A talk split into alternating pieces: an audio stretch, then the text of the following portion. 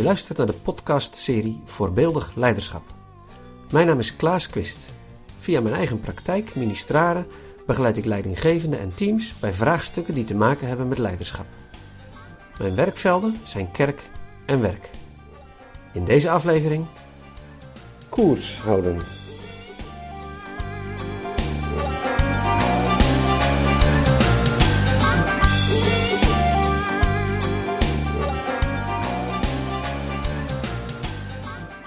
Fijn dat je luistert naar mijn podcast Voorbeeldig Leiderschap. In deze aflevering ga ik in op de grote uitdaging van elke leider, of dat nu in de kerk is of op het werk, om koers te houden. Zo makkelijk als het lijkt om te gaan doen wat je van plan was, zo moeilijk is het vaak om daaraan vast te houden. Als je dit bij jezelf herkent, ben je niet de enige. Ik kom het dagelijks in mijn werk tegen. En eerlijk gezegd, ik moet er ook zelf iedere keer ook weer bewust mee omgaan.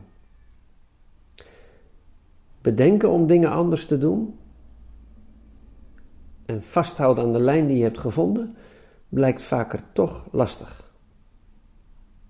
En ik denk dat daar twee dingen mee te maken hebben. Daarover gaat deze podcast. Ik vertel wat deze twee dingen zijn en hoe je hiermee kunt omgaan, zodat je op koers blijft.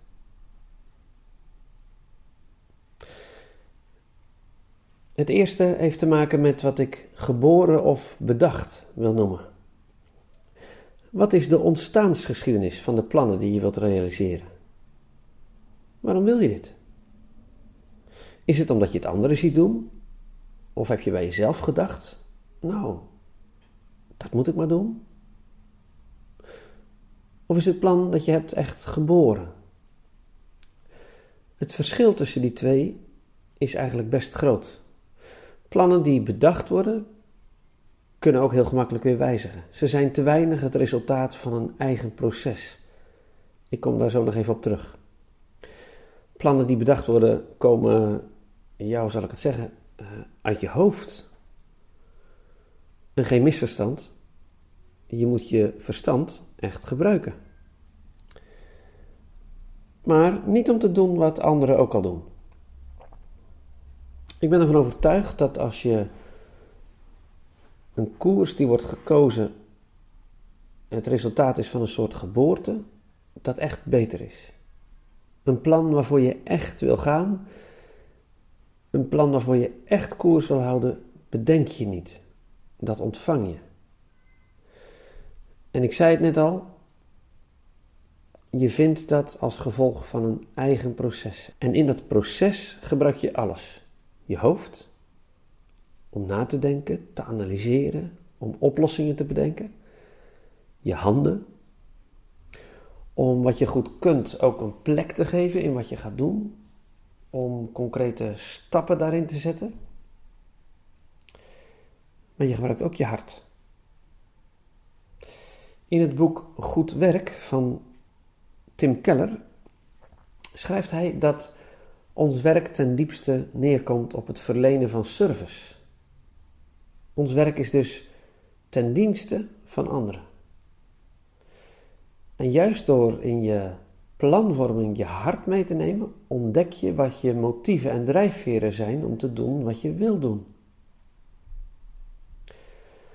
Koers houden wordt makkelijker naarmate je beter aansluit op wat er in je hart leeft dan is er de intrinsieke motivatie die als een stuwende kracht jou helpt om op koers te blijven. Dit is wat je wilt. Dat is dus het eerste aspect dat van invloed is op het realiseren van plannen. Is het geboren of is het bedacht? En hoe meer het is bedacht, des te moeilijker is het om op koers te blijven. Als ik hierover met kerkraden spreek, gebruik ik nog wel eens het woord bewogenheid. Ik leer van Jezus dat hij, juist omdat hij bewogen was met mensen, dat hij in staat was om de weg te gaan die hij moest gaan, vanuit die bewogenheid. En in de kerk kunnen we niet zonder die bewogenheid. Ik geloof en zie dat het beter is om te leren aan te sluiten bij de bewogenheid van God. Dat onze beweging zijn oorsprong vindt in zijn bewogenheid. Dat Hij het is die ons tot iets aanzet. En voor de goede orde, ik heb het dan niet over vormen.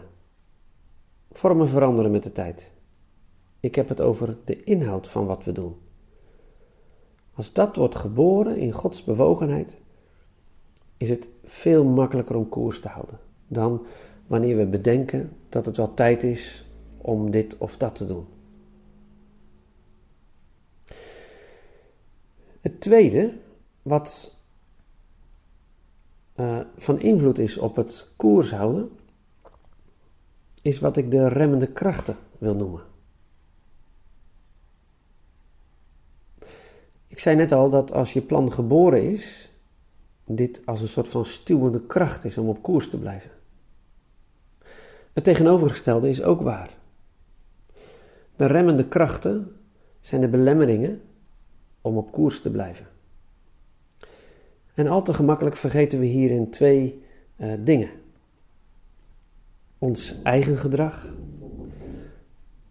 Hoe makkelijk zijn we niet vatbaar voor toch weer terugvallen in oude patronen? Hoe druk zijn we vaak niet, waardoor er geen tijd is om te reflecteren op ons werk en of we de goede dingen doen? Maar het kan ook zijn dat we zoveel behoefte hebben aan structuur of juist een gebrek aan discipline, waardoor gemaakte afspraken niet kunnen worden of niet worden nagekomen. En een ander element wat ik onder de categorie remmende krachten zou willen noemen, dat zijn de systeemkrachten. Misschien herinner je je uit een van de eerdere afleveringen dat ik het begrip homeostase introduceerde. Homeostase is het natuurlijk gevonden evenwicht tussen mensen die met elkaar samenwerken. En ergens zijn we er allemaal op uit. Vaker is dat onbewust, maar om dat gevonden evenwicht in stand te houden. Dus als we met elkaar bedenken om het op een andere manier te gaan doen of om iets nieuws te gaan doen, dan is er altijd de kracht waarmee we rekening moeten houden, die probeert dat nieuwe, wat op een bepaalde manier het gevonden evenwicht verstoort, ehm, tegen te houden. En in dat verband zei ik in een van de eerdere afleveringen ook: het geheime wapen van leiders is dat zij zich voorbereiden op de weerstand, op de sabotage op de remmende krachten. Maar zoek de remmende krachten dus niet alleen bij anderen of in het systeem, maar ook bij jezelf. Nou, als je nu op koers wilt blijven en je weet het plan dat ik heb, dat is geboren en dat is niet bedacht. En je hebt een beeld van de remmende krachten. Is dan per definitie zodat je op koers blijft? Nou, dat denk ik niet. Als het zo makkelijk was, dan zou het ook veel makkelijker zijn om dat te doen. Maar deze twee dingen, de remmende krachten onderkennen en daarop anticiperen, en ook ehm, een plan maken dat geboren wordt, zijn wel heel essentieel. En daarom kom ik in deze aflevering over koers houden toch ook nog weer even terug op wat ik al eerder heb gezegd. Over de taak van leiders. Eigenlijk is het leidinggeven te vereenvoudigen tot drie dingen. Misschien herinner je het nog uit eerdere afleveringen. De taak van de leider is om de bestemming goed voor ogen te houden om met elkaar helpen die bestemming te definiëren. Waarom zijn wij er? Waarom bestaat onze organisatie? Waarom bestaat deze kerkelijke gemeente? Dus het gaat om de bestemming.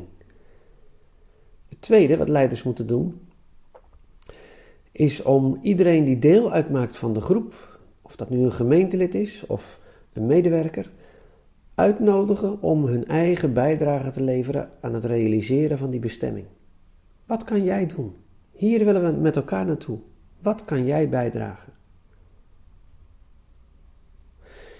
En het derde is om ook de condities te creëren waardoor mensen daadwerkelijk in staat worden om hun bijdrage te leveren. Dat is dus de taak van de leiders. En wil je daar meer over weten, ga dan naar een van de eerdere uh, eerste afleveringen van de podcastserie Voorbeeldig Leiderschap.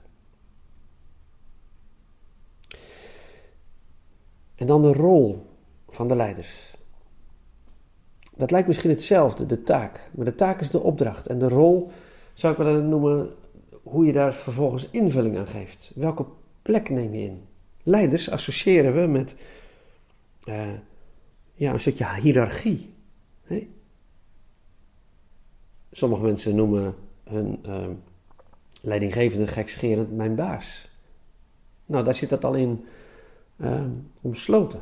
Dat iemand de baas is over jou. Dat iemand jou vertelt wat je moet doen.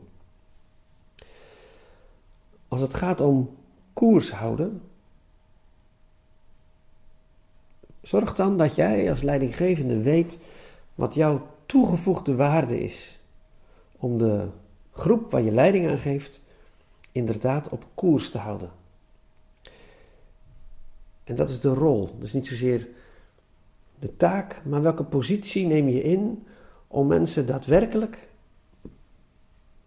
uit te nodigen en een plek te geven in het realiseren van de bestemming. Wat hebben zij van mij nodig?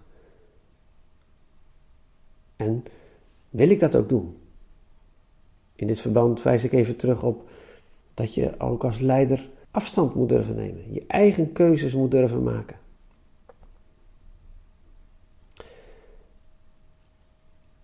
Wat voeg jij als leider toe?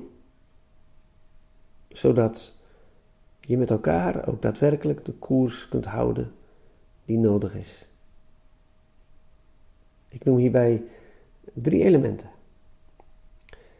Het een is, geef mensen verantwoordelijkheid. Binnen het geheel van de organisatie moet duidelijk zijn dat iedereen ook zelf moet nadenken. Geef ze een stukje autonomie. Het tweede, als leider voeg je echt iets toe op het moment dat je ook uh, een stuk verantwoording vraagt. Feedback geeft. Dit hebben we afgesproken en ik zie dat dat ervan terecht komt. Maar dat is niet een eenrichting verkeer. Als leider voeg je ook echt iets toe als jij zelf uh, aanspreekbaar bent op jouw keuzes die jij maakt. En het derde wat ik hierin zou willen noemen is het element veiligheid. Weten mensen echt dat ze gewaardeerd en gezien worden als mens? Dat ze niet een, een nummer zijn of iemand die een bank vult, maar zien we elkaar echt? Nou, dit zijn zo'n paar elementen die ik zou willen onderstrepen in jouw rol als leidinggevende. De waarde die jij toevoegt is op deze drie dingen te letten autonomie, een stukje feedback, verantwoording en een derde veiligheid. Koers houden doe je namelijk met elkaar. En iedereen heeft daarin zijn eigen rol. Samen zoek je naar plannen die geboren worden uit een stuk bewogenheid. Samen probeer je de remmende krachten te onderkennen die een belemmering kunnen vormen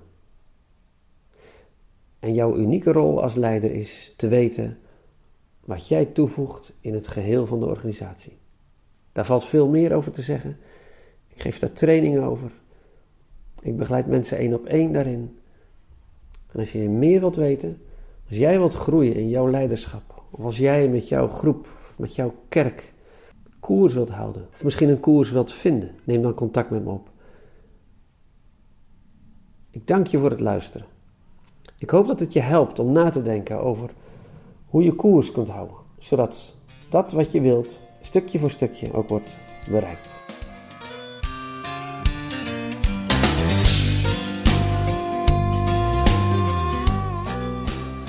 Je hebt geluisterd naar een podcast uit de serie Voorbeeldig Leiderschap. Wil je reageren? Doe dit dan op podcast.ministrare.nl Voor meer informatie, inspiratie of contact, ga naar mijn website ministrare.nl. Ik dank je voor het luisteren en graag tot een volgende keer.